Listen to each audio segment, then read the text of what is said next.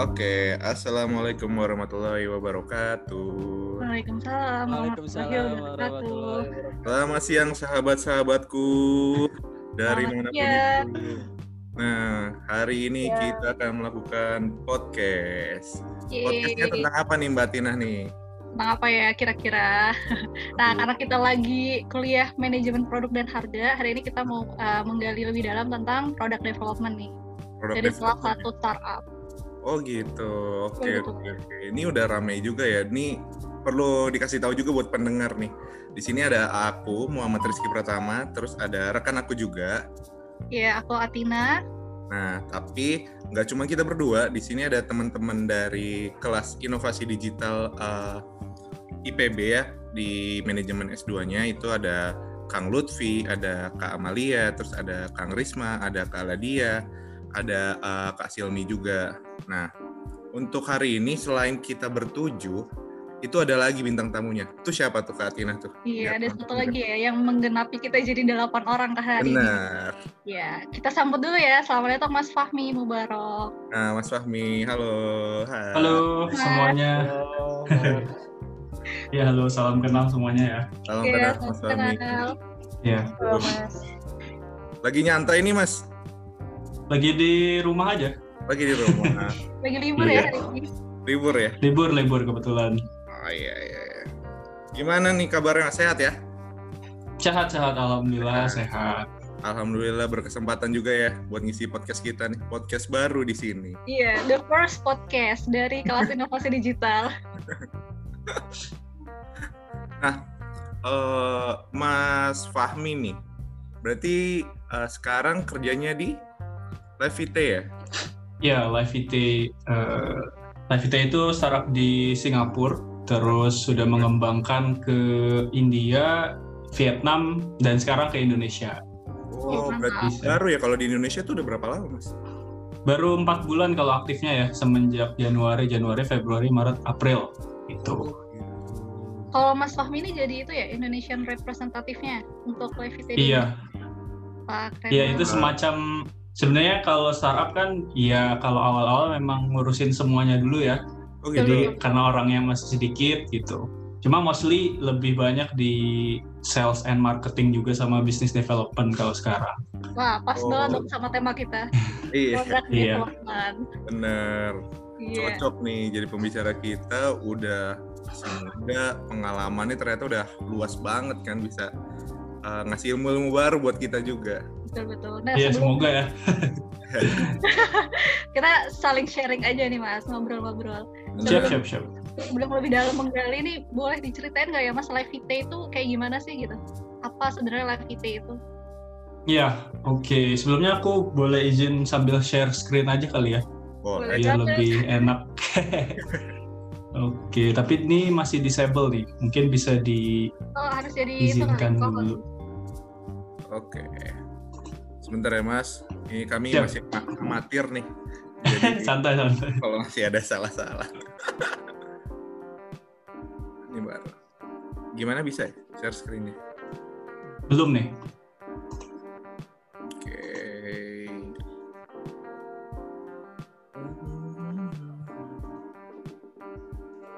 Tapi kegiatan berarti sekarang kebanyakan eh, ke kantor harus ke kantor atau bisa di rumah aja tuh? Ya, jadi kalau Live IT itu kan eh, di Indonesia itu masuk ke working space working space eh, atau inkubator startup gitu ya. Aha. Jadi kita masuk pertama di Block 71 itu punyanya Salim Group sama News Enterprise. Jadi emang punya kantor di Jakarta, Bandung sama Jogja. Terus yang kedua kita juga masuk ke eh, CSR-nya Nutrifood. Jadi ada namanya NutriHub. Nah, itu juga ada di berbagai kota lah. Kalau misalkan di Jabodetabek ada di Serpong, terus ada di Jakarta juga gitu. Jadi ya kantornya banyak sih kalau startup enaknya ya. Jadi bisa Iya. di mana-mana gitu. Kalau lagi perlu ke satu daerah, misalkan ke Serpong, kita bisa numpang di situ kayak Oh, gitu. gitu. Tapi kalau mostly sekarang lebih sering di rumah sih, gitu, karena belum ya. perlu ke mana-mana. Oh gitu. Tapi kalau misalkan tadi ada kegiatan, ternyata udah ada working space yang disediakan gitu ya, udah tersedia. gitu. Iya, bisa Nyaman numpang.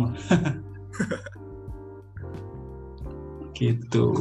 Oke, udah bisa bisa share ya? screen ya. Ya.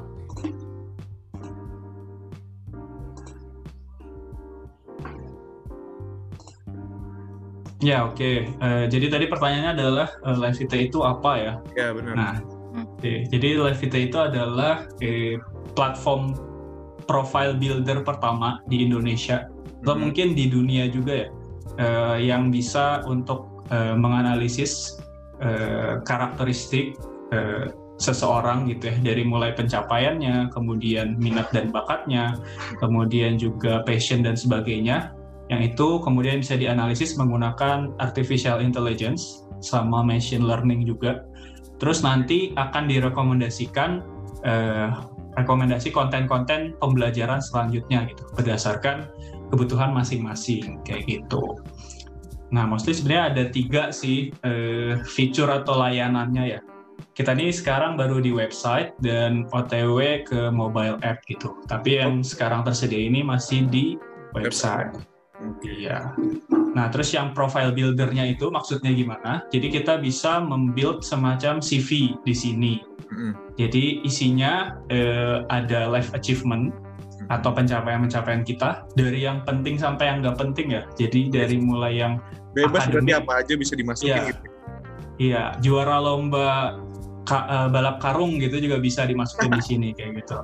Terus yang eh, akademiknya juga bisa kayak gitu.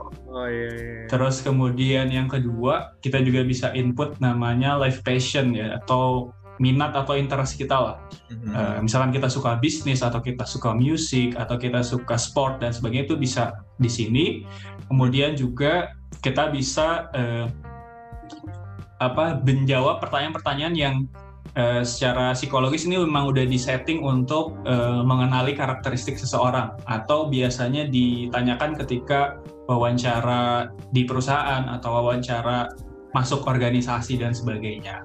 Kayak misalkan kapan sih aku eh, bangkit dari sebuah kegagalan kayak gitu. Itu bisa diceritakan secara detail dan sebagainya. Nah, jadi dari Kalau semua dilihat yang kita lebih seru dari CV biasa ya, karena pengalaman Iya. lebih banyak banget nih. Iya, karena kita motonya memang beyond eh, CV gitu. Jadi lebih daripada CV. Kalau CV itu kan kurikulum vitae ya. Iya. Nah, kita menamakan life vitae itu ya karena semua aspek kehidupan tuh bisa ditaruh di sini gitu. Hmm, Ah. Kayak Lebih gitu. lengkap ya daripada CV. Iya.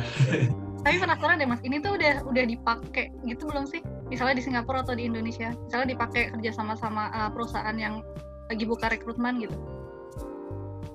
Oh, kalau sejauh ini ya sejauh ini mungkin kalau bicara eh, bisnis to bisnisnya ya itu Hmm. kita sudah kerjasama sama beberapa sekolah gitu kalau di India kita bisa kerjasama sama sekolah negerinya. Tapi kalau di Indonesia kita baru kerjasama sama sekolah yang internasional gitu. Jadi sistemnya adalah menggunakan live VT ini sebagai media kontrol terhadap siswanya gitu. Jadi si guru tuh punya login juga ke sini, terus bisa ngontrol tuh si siswanya itu pencapaiannya udah seperti apa, nilai-nilainya bagaimana dan sebagainya, kayak gitu. Jadi bisa buat Karena na- form juga ya, buat sekolah. Iya. gitu.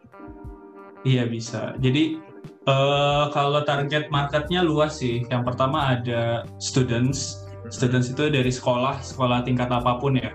Oh, iya. asal sekolahnya mau itu kita bisa. Terus yang kedua ada students juga sih mahasiswa lah kayak gitu kalau Iya. di Indonesia. Dan yang ketiga ada early professionals gitu. Jadi Oh, orang yang memang fresh graduate atau cari kerja itu juga bisa oh gitu. uh, menggunakan ini. Gitu. Karena kalau dilihat Ya. seru banget ya, apa aja ceritanya bisa dimasukin, ada kita Iya. pengalaman, segala macam. Nah coba abis ini kita coba ya, Boleh, boleh. masukin cerita cerita hidup ke sini. Iya. Boleh itu. Jadi Ada teman tadi saya, dari Kang Risma seru banget cerita hidupnya tuh. Mungkin bisa. jadi tadi dari Bisa ngepoin uh, orang po- juga kita di sininya. bisa ya, kayak poin orang gitu-gitu ya. Bisa karena ada connectionnya sih Oh gitu. eh, di sini. Jadi misalkan Oh. ini aku connect sama Jonathan, Parsha sama Gabriela gitu. Kita juga bisa view profile mereka kira-kira uh, cocoknya di apa bukan cocok sih uh, koneksinya ya. tuh di mana gitu jadi nanti akan muncul nih uh, tadi belum aku jelasin ya jadi hmm. dari semua dari semua yang kita masukin tadi poin-poin achievement, passion sama moments itu nanti bakal dianalisis pakai artificial intelligence hmm. terus bakal muncul jadi ini uh, life skill modelsnya ini juga udah diadopsi sama UNESCO dan WHO ya oh, iya. jadi jadi ini akan muncul misalkan bagusnya ternyata di kognitifnya atau di interaktifnya, emotif, adaptif atau kreatifnya dan motifnya. Hmm. Itu jadi jadi itulah kenapa ini juga bisa si visualnya ini bisa download btw, oh, iya. bisa di download terus menyesuaikan dengan kita tuh tujuannya mau uh, ngelamar kerja apa gitu. Ah, iya, Misalkan iya, iya. bagian bagian marketing, ya udah aku select yang marketing aja mm-hmm. uh, dari achievementnya, dari apanya dan sebagainya. Terus nanti tinggal di download gitu. Oh, gitu. Malah nanti di adjustnya lebih gampang lagi karena kita udah masukin semua nanti iya. download PDF. Tinggal pilih-pilih aja gitu ya sesuai. Betul. Ya, enak banget dong. Iya, ini kan iya. produknya ini banget ya mas, inovatif gitu untuk uh, proses hmm. rekrutmen. Tadi juga bisa dipakai buat pendidikan gitu. Boleh yeah. diceritain nggak ya mas buat ininya uh, dari produk developmentnya, dari ideation sampai launchingnya itu prosesnya gimana? Terus waktunya tuh berapa lama sih?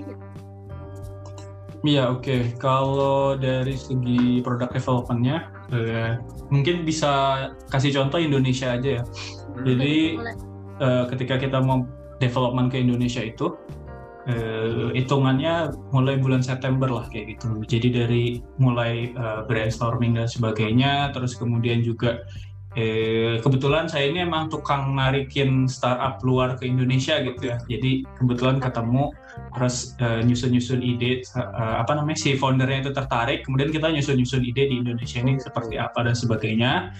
Nah, terus kemudian yang kedua kita lakukan research. Jadi uh, setelah kita apa namanya memutuskan atau punya plan gitu ya mau ke Indonesia kita research dulu kira-kira ide kita cocok nggak sama oh, iya. uh, orang Indonesia gitu ya semacam kalau di skripsi itu kuesioner uh, lah gitu nanya-nanya okay. orang kalau misalkan ada platform ini gimana sih kayak gitu sama yang kedua yang kita lakukan di research ini itu juga kompetitor analisis juga gitu jadi kita menganalisis kira-kira kompetitornya siapa aja dan kebetulan ternyata kompetitornya nggak nggak ada malah di Indonesia kayak gitu. Yeah. Karena kenapa? Karena misalkan yang bergerak di bidang edtech atau HR tech gitu ya, kayak ruang guru, Pahamify misal, itu mereka malah bisa naruh kontennya di uh, platform kita gitu.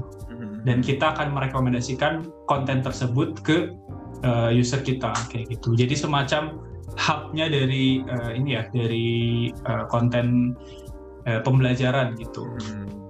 Terus kemudian yang ketiga ya kita lakukan planning. Jadi eh, kira-kira berapa estimasi budget buat hiring orang-orangnya yang diperlukan di Indonesia, terus produk kita berapa gitu. Misalkan ambil contoh di India sekian, di Indonesia cocok nggak dengan uh, apa source yang kebutuhan yang sekian gitu. Terus yang keempat kita buat prototype ya. Jadi uh, apa namanya web web versi Indonesia dengan bahasa Indonesia hmm. itu cocok nggak sih sama uh, sistem pendidikan kita gitu misalkan kita bikin prototipe terus uh, kasihin ke Kemendikbud gitu ketika kita mau masuk ke sekolah-sekolah negeri atau misalkan mau masuk ke sekolah internasional kita ada namanya Singapore Intercultural School gitu ya itu yayasan Singapura tapi punya sekolah di Indonesia nah kita kontak hmm. yayasannya terus kasihin prototipenya kira-kira uh, prototipenya ini sesuai nggak sama kebutuhan yayasan ini nantinya untuk diterapkan di sekolah kayak gitu. Nah misalkan udah udah setuju dan sebagainya, udah valid, terus kita uh, ya mulai cari source lagi sih. Jadi untuk melengkapi uh, platform ini kira-kira yang dibutuhkan sama usernya apa aja gitu. Mm-hmm. Misalkan tadi buku-buku, konten buku-buku, konten kursus-kursus, terus kemudian konten um, universitas-universitas atau opportunities kayak job marketplace, uh, internship, volunteer dan sebagainya ternyata bisa dimasukin kayak gitu. Terus yang terakhir uh, ya kita setelah itu semua disusun gitu ya, ya kita tentuin kira-kira costnya berapa termasuk cost buat marketing dan sebagainya. Akhirnya uh, bisa untuk menghasilkan sebuah produk gitu. Berarti prosesnya sebelum masuk ke Indonesia pun udah panjang banget ya, Mas Wahmi uh, ngerancangin hmm. dan sebagainya. Wah, keren banget sih sampai Lumayan. akhirnya. iya. Itu ada itu nggak sih mas seremoni launchingnya gitu atau nggak ada yang seremoni? Iya. Seharusnya ada ya, cuma lagi COVID kemarin, jadi si hmm. foundernya nggak bisa ke sini. Harusnya ada. Ini launching yang empat bulan lalu atau masuk Indonesia-nya baru mulai Mas Fahmi masukin tuh empat bulan lalu? Baru mulai market masuk market di Indonesia yang empat bulan lalu. Tapi kalau oh, gitu. planningnya udah dari September tahun lalu. Oh iya iya. Ya, lumayan ya. Iya. Nah ini pasti teman-teman yang ada di sini juga punya banyak pertanyaan nih. Dan tadi kita iya. bertiga yeah. aja ngobrol nih. Coba kita undang teman-teman yang lain nih. Iya. Siapa nih ayo yang mau nanya? Oke Kang Rizky, saya boleh bertanya nggak? Boleh dong. Boleh nggak ya? Boleh, boleh. Kayaknya Mas Fahmi bakal dikasih banyak pertanyaan ya sama teman-teman ya. Iya. Boleh, boleh. saya kasih yang ringan aja deh. Mas Fahmi mau esai mau PG nih? Aduh. Aduh. Belum ngerjain tuh ya. belum belum udah ujian ternyata. Oke tadi kan bicara mengenai ini ya persiapan sampai apa sih eh, berbicara mengenai eh, budget ya segala macam. Uh -huh. Tapi tadi saya ada yang mau ditanya ini mengenai market testing. Ini kan produk dari luar ya. Apakah untuk yeah. diterima oleh masyarakat banyak itu ada tes pasar dulu nggak mas buat masuk ke sini gitu? Ya uh, tentu ada gitu ya. Uh, misalkan di dulu sebelum masuk ke Indonesia, misalkan di India uh, ada asumsi bahwa kalau di India sendiri kan memang bisa masuk ke dalam sekolah-sekolah negerinya, universitas-universitas negerinya gitu.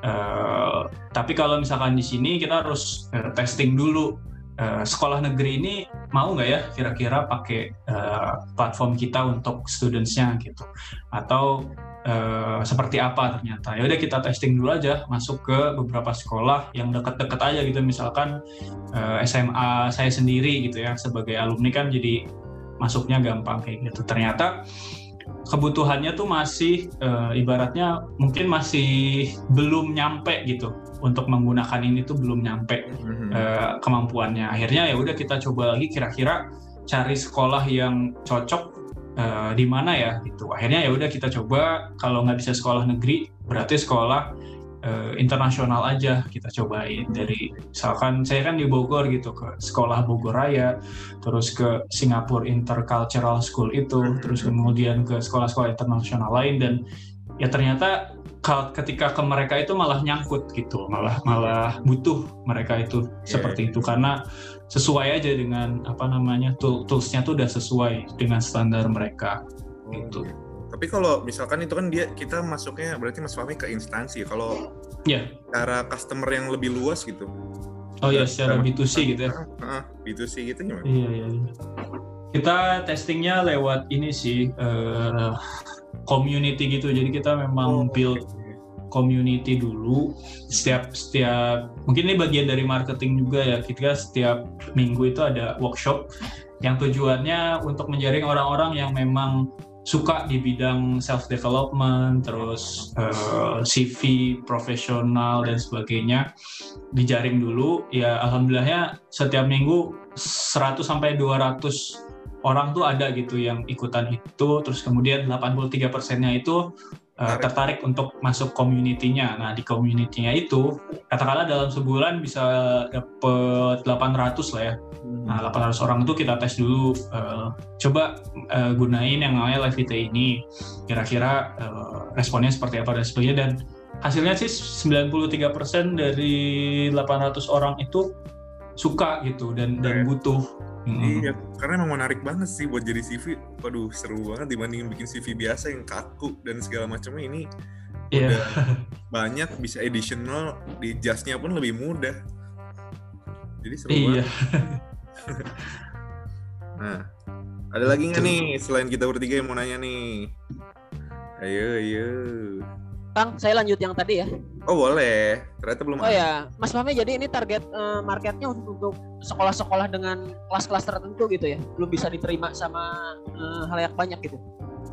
Iya, uh, sebenarnya ini kan platformnya pada akhirnya uh, learning journey ya, jadi uh, semacam platform pendamping seorang dalam belajar atau dalam uh, mencapai karir profesionalnya lah kayak gitu. Nah jadi kita spesifikkan target usernya ya orang-orang yang memang belajar dan yang memang eh, mau ke arah eh, pekerjaan profesional kayak gitu. Makanya students ini kan dari sekolah itu juga dia melalui proses belajar gitu ya. Jadi mulai dari SMP, SMA itu juga bisa, terus kuliah juga bisa.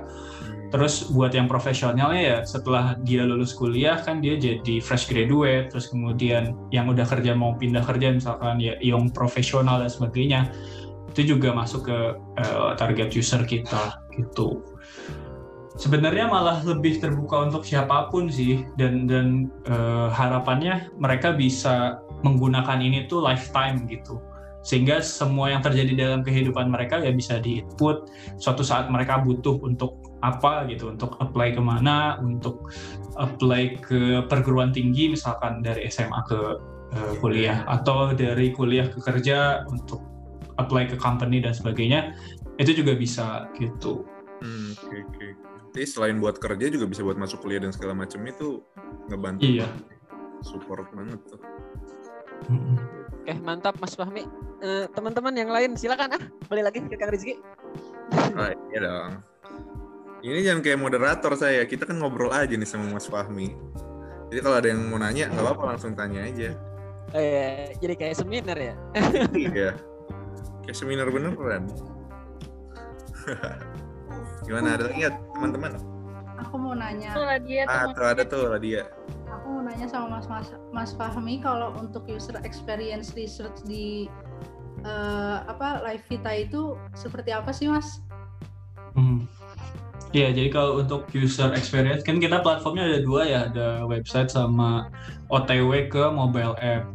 Nah, kita memang ada eh, khusus gitu, khusus orang yang memang bekerja di user UI UX researcher lah gitu. Jadi dia memang eh, sengaja setiap minggunya uh, dan setiap bulannya gitu ya kalau di SOP-nya untuk uh, mengecek kira-kira ada feedback apa sih dari uh, user gitu. Termasuk uh, platform apa?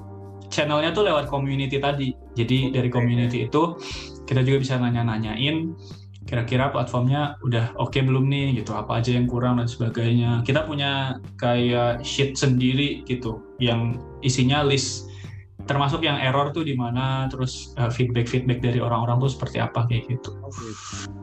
Ya. Termasuk ketika kita per minggu ngadain workshop juga kan kita bisa nanya-nanya juga ke pesertanya oh, iya. kira-kira uh, apa aja yang diimprove dan sebagainya gitu.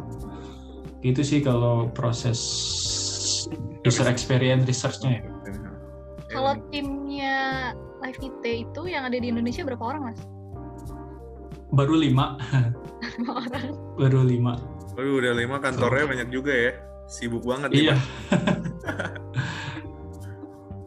Ya itu jadi bisa kerja dari mana-mana juga kan. Uh, satu ada di Jogja satu lagi ada di Malang satu lagi di Tangerang gitu. Jadi dari mana-mana ketika misalkan ada meeting nih sama klien di mana di kota mana oh berarti si yang di kota itu yang bisa datang gitu. Oh, iya. meetingnya gitu di ya. kantor. Wah. Gitu. Seru banget. Kalau product developmentnya itu uh, masih ini berarti ya ngikut sama yang di pusatnya di Singapura gitu atau Indonesia dibebasin punya develop sendiri, sendiri gitu di Indonesia atau gitu? Sama. Sejauh ini ya, sejauh ini uh, ada beberapa perbedaan sih uh, buat produk di India sama di Indonesia nya. Karena emang websitenya juga dari servernya dibikin beda gitu dari mulai bahasa dan sebagainya fitur-fiturnya itu kalau di Indonesia ini mungkin malah ini ya paling lengkap gitu. Karena kita tuh bisa menyediakan ke si user ini ada konten belajar buku-buku gitu jadi kita kerjasama juga sama buku-buku Amazon, uh, Amazon terus uh, buka buku dan sebagainya. Gramedia digital juga. Terus kalau konten kursus kan banyak nih di Indonesia ada Skill Academy, ada Active Aid, ada macam-macam lah gitu. Terus juga kalau misalkan dari job marketplace apalagi lebih banyak lagi kan dari Glints, dari Caliber dan sebagainya. Jadi kita tinggal apa ya istilahnya bisnis to bisnisnya tuh kita affiliate program gitu sama mereka. Mereka mau nggak masukin kontennya, terus kita iklanin ke user kita kayak gitu. Terus nanti kita pembagiannya berapa persen berapa persen kayak gitu. Jadi kita semacam yang ngumpulin aja sih. Kita nggak nggak bikin kursus, kita nggak punya buku, kita nggak punya uh, apa namanya uh, lowongan pekerjaan dan sebagainya. Tapi kita ambil ambilin aja dari yang lain gitu loh. Jadi kalau dibilang ada ada kompetitor atau enggak, kayaknya nggak ada deh. Malah semua tuh bisa di affiliate sama kita ya. gitu. Collaboration. Iya. bukan bukan competition ya. Tadi uh, boleh ya tadi menyambung tadi yang Mas Fahmi bilang terkait apa ada sharing atau pembagian itu kan uh, kayaknya masuknya ke sumber-sumber pendapatannya gitu ya Mas ya sumber-sumber hmm. pendapatannya Lavite. Nah uh, kalau tadi disebutin itu kan kalau nggak salah uh, Lavite ini menyasar dua pasar ya B2B dan B2C-nya. Mungkin bisa dijelaskan lebih lanjut gitu Mas uh, uh, seperti apa sih sumber pemasukan untuk Levite ini revenue streamnya itu dari mana dari untuk masing-masing kategori bisnis ini oh, iya. apakah dari iklan atau dari apa ada membershipnya yeah. gitu mas atau seperti apa? Ya ya boleh boleh. Jadi kalau eh, revenue-nya pertama kalau B2C ya hmm. atau ke customernya langsung itu revenue-nya dari subscription plan itu oh. jadi kita memang kasih trial dulu gratis 30 hari terus nanti setelah itu uh, mereka akan bayar gitu. Sejauh ini ya 5 dolar Singapura lah per gitu. bulannya kalau per bulan setahun ya. sekitar 600 ribu lah kalau setahun. Jadi mungkin cukup murah juga gitu ya. ya nah, kalau misalkan yang kalau misalkan yang bisnis to bisnis kalau kita kerja sama sama institusi, nah itu uh, kita lihat dulu mereka punya user berapa banyak. Contohnya misalkan satu sekolah punya 6.000 user, terus kemudian kita juga uh, ngitung berapa banyak uh, salah berapa kali mereka dalam seminggu itu akses ke platform. Misalkan katakanlah 6.000 student ini akses ke platform ini 2 sampai 3 hari. Ya udah uh, kita buletin 6.000 dolar Singapura eh salah 2.000 dolar Singapura satu tahun gitu untuk sekolah ini. Kayak gitu.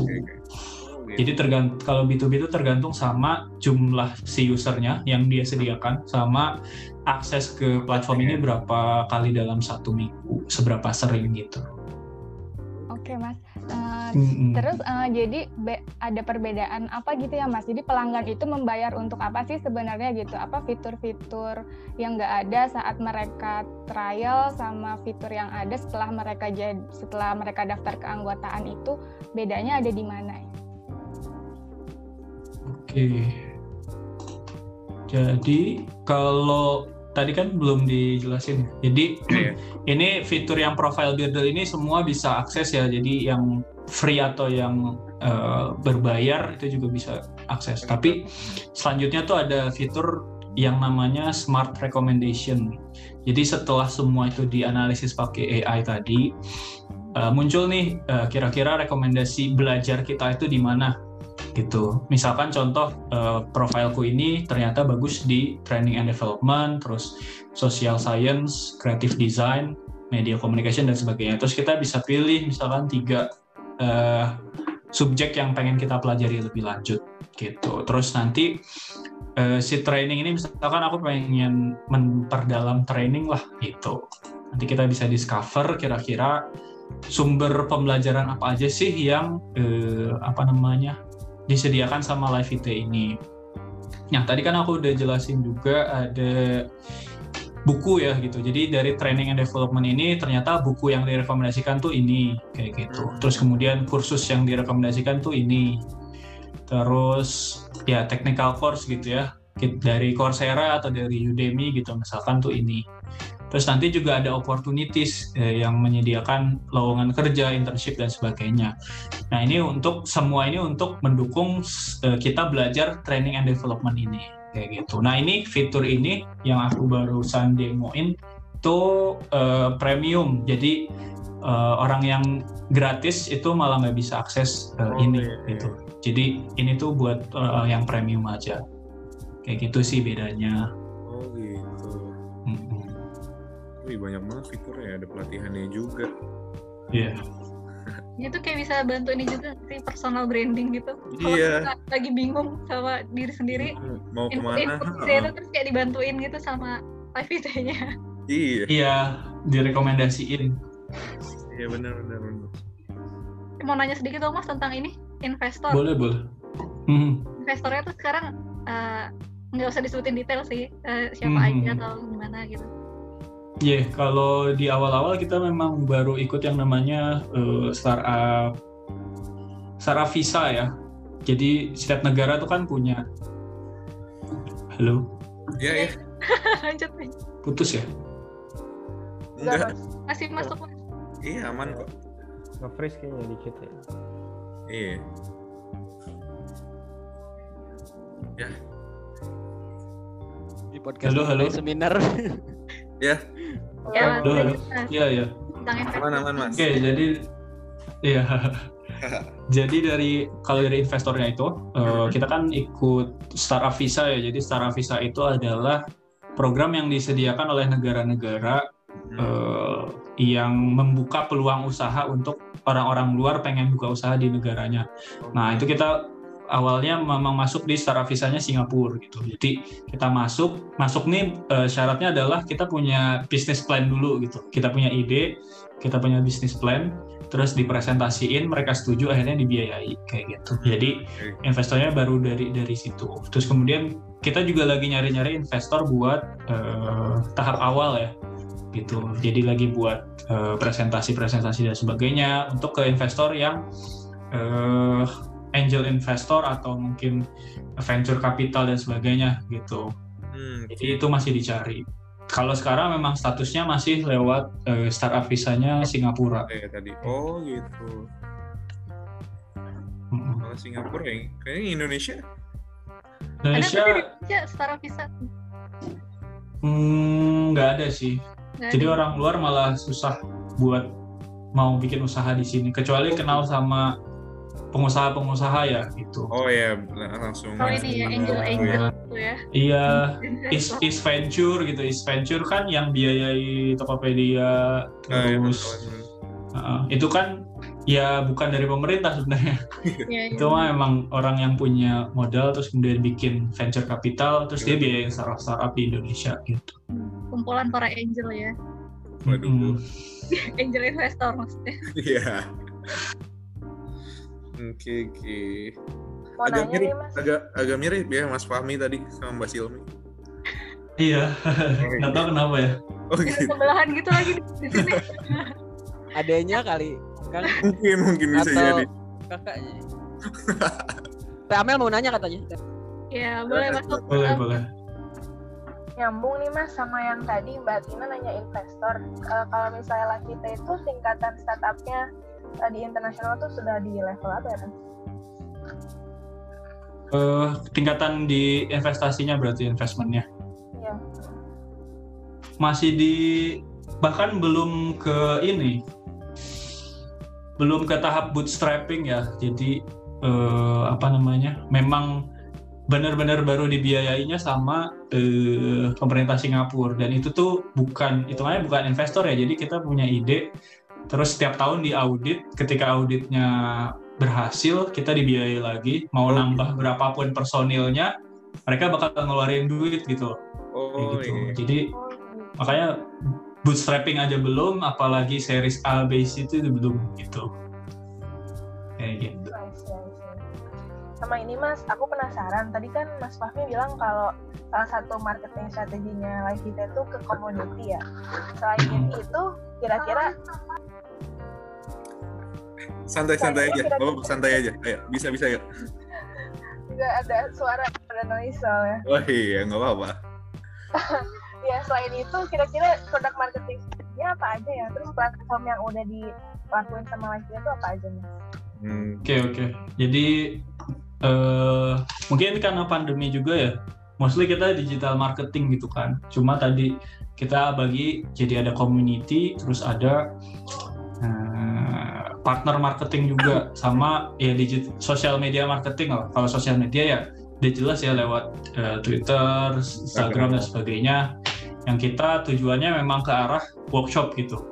Workshop nanti uh, dari workshop terus kemudian ke community community jadi user kayak gitu. Nah tapi kalau uh, yang partner marketing ini kita kan udah punya B2B juga ya. Jadi dalam MOU-nya juga kita tuliskan bahwa mereka juga wajib untuk uh, merekomendasikan orang yang kemudian menggunakan course mereka atau books mereka atau uh, di job marketplace mereka gitu. Itu untuk mencantumkan live IT itu gitu. Jadi orang tuh bisa selain kita merekomendasikan konten mereka mereka juga merekomendasikan kita gitu sebagai oh, iya. kumpul konten. Itu sih.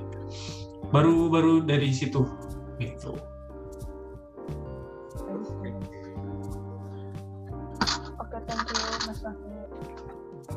Ya, Uh, izin masuk juga dong.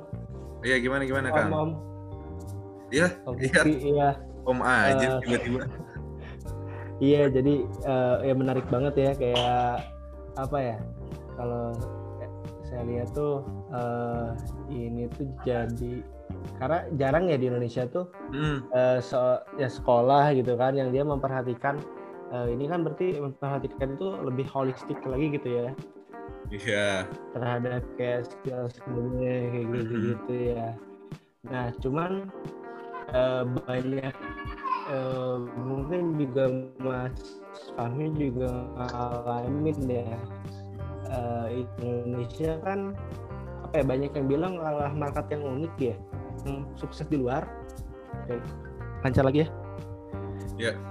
oke Ya. sorry sorry coverage ya eh banyak banyak yang sukses di luar tapi ya di Indonesia gagal gitu kan nah itu Eh, ini kan Hmm. tadi Mas Fahmi bilang udah empat bulan ya kurang lebih itu nggak Mas Launchingnya ya, ha, ha, launchingnya. ah Iya, iya. empat bulan gitu nah selama empat bulan itu ada nggak sih Mas kayak eh, mungkin penolakan yang banget gitu yang kayak wah sampai kayak mungkin dari rencananya eh, live VT itu jadi kayak wah ini agak jauh nih eh, ininya gitu dari Ya, rencananya kayak gitu-gitu. Ah, terus eh, mungkin kayak gimana sih eh, di live VT ini kayak mengatasi kayak ya eh, market Indonesia yang unik ini gitu. Kan karena, karena tadi saya lihat ini kan nanti eh, jatuhnya nanti akan berbayar kan dan ada beberapa fitur yang memang Premium. dikunci ya premium ya. Nah ya tahu sendiri kan kayak Indonesia banyaknya suka yang gratisan gitu nah mungkin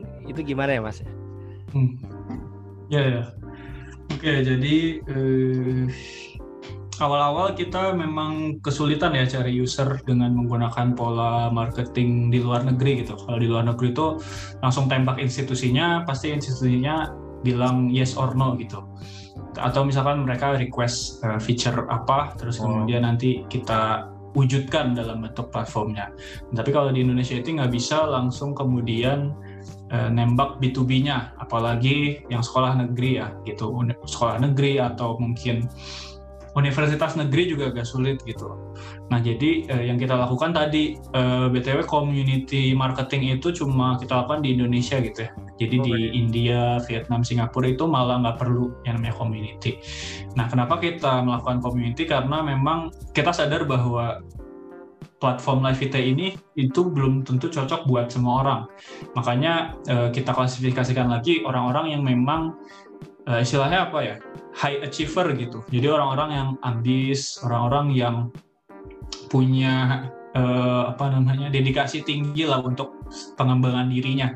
Maka dari itu ya community-nya juga kita spesifikkan lagi tuh. Eh, memang workshop tema workshop mingguannya dan sebagainya itu temanya lebih ke arah self development, practical insight, motivation, productivity gitu ya, yang lagi tren juga kebetulan di uh, Indonesia ini. Nah dari situ kita kumpulin tuh orang-orang high achiever yang punya minat di situ, kemudian kita bangun community-nya. Kita juga lewat Telegram gitu, karena uh, apa namanya fitur-fiturnya memudahkan juga untuk kita daripada WhatsApp, Facebook dan sebagainya lebih mudah di situ. Kemudian dari situ kebetulan bisa connect juga ke uh, platform kita kayak gitu lewat Telegram itu. Jadi akhirnya uh, itu yang kemudian uh, spesialnya dari Indonesia gitu. Community marketingnya itu sih sebenarnya. Jadi dari komunitas itu terus kemudian mereka biasanya nyebarin juga ke teman-temannya kan, eh ini ada platform bagus ada ini bagus dan sebagainya tersebar tersebar tersebar kayak gitu. Baru tuh dari dari apa namanya ketika misalkan kita udah incer komunitinya eh, orang-orang yang kom yang ada di komunitinya misalkan mostly orang eh, SMA A gitu atau hmm. universitas A gitu. Baru kita serang tuh uh, bukan serang ya kita deketin tuh organisasinya dulu misalkan. BEM-nya misalkan mau nggak kerjasama bikin acara nah terus dari situ baru ngomong ke kemahasiswaannya misalkan kalau di universitas ya. Ngomong ke situ mau nggak kira-kira uh, platform ini dan sebagainya kita tawarin misalkan eh, uh, 90 hari gratis dulu dan sebagainya terus kita jelasin. Jadi kalau di Indonesia spesialnya itu benar-benar perangkap dari bawah gitu ya bottom up nggak bisa langsung top down gitu. Iya benar. Oke berarti ini ya mas ya apa create demand dulu di bawah gitu ya iya. Uh, ya menarik sih. Kayak uh, banyak juga uh, setahu saya emang startup startup yang jadi sekarang malah fokusnya kayak community bisnis gitu sih. Oke. Okay. uh, oh iya mas. Mungkin uh, ini kan apa namanya uh, Levita ini baru banget ya di Indonesia tapi di luar udah rame kan dan sebenarnya ya udah lumayan juga gitu kan nah uh, sebetulnya uh, rencananya ke depan itu nanti akan seperti apa sih Levita ini mas? Jadi apakah uh, nanti itu uh, misalnya employer-employer pakai Levita atau gimana gitu mas? Karena uh, apa ya menarik juga ya mungkin teman-teman ya di sini. Ya, uh, kalau apalagi kalau IPB bisa pakai juga ya. Kayak tahu nih kita bagusnya di mana gitu. Iya. Ya mungkin visioningnya itu gimana mas ya nanti? Iya iya. Iya oke okay. btw kalau ke IPB itu udah masuk ke IPB Otsko yang community-nya itu yang komunitas mahasiswa berprestasinya kalau nggak salah. Oh iya. S1 udah mungkin ya? program bareng. Iya S1 kayaknya. Oh iya. Mungkin tapi S2-nya nggak nggak masuk ya yang community mapresnya itu. Enggak ya? Mungkin enggak kayak itu. Belum ya, ya, ya oke. Okay. Mbak Atina ya yang BC BC. ada, belum ada. ada. Iya. Terus tadi iya yang apa? Kalau milestone-nya ya. ya jadi betul. kalau milestone-nya itu kita memang eh, di quarter 2 eh di 2021 quarter 3 ya itu memang pengen yang namanya ngembangin ke mobile app gitu karena memang user Indonesia sudah terbiasa sekali sama yang namanya yeah. app ketika nggak ada appnya itu memang malah ditinggalkan gitu ya jadi uh, malah ketinggalan sendiri gitu iya yeah, yeah. kalau kalau di luar gitu. nggak gitu ya mas ya kalau di luar nggak cukup platform aja jadi kita kan website ini kan sebenarnya ada API-nya ya API-API-nya gitu jadi ketika sekolah mau untuk kemudian make tinggal disuntikin aja gitu platform ini kayak disuntikin ke platformnya mereka misalkan sekolah ini punya website oh, iya, sendiri iya. monggo hmm. gitu kayak gitu nah tadi eh, apa kalau milestone yang lainnya itu kita sebenarnya udah research juga eh, tren yang terjadi di 2020 ya karena covid ini mm -hmm. kan company yang bagus tuh ketika bisa masuk ke eh, sistem gitu. Misalkan karena COVID terjadi, sistem kesehatan kita ketika bisa masuk ke sistem kesehatannya di sebuah negara itu bagus gitu. Nah kita pengen masuk ke sistem pendidikannya gitu. Jadi makanya eh, sekolah negeri itu kita tetap approach gitu lewat Kemendikbud ini kayak gitu. Terus kemudian juga eh, apa namanya ya dari platform-platform juga ya yang mengadakan pelatihan itu juga kita coba untuk masuk ke dalam sistem pembelajarannya.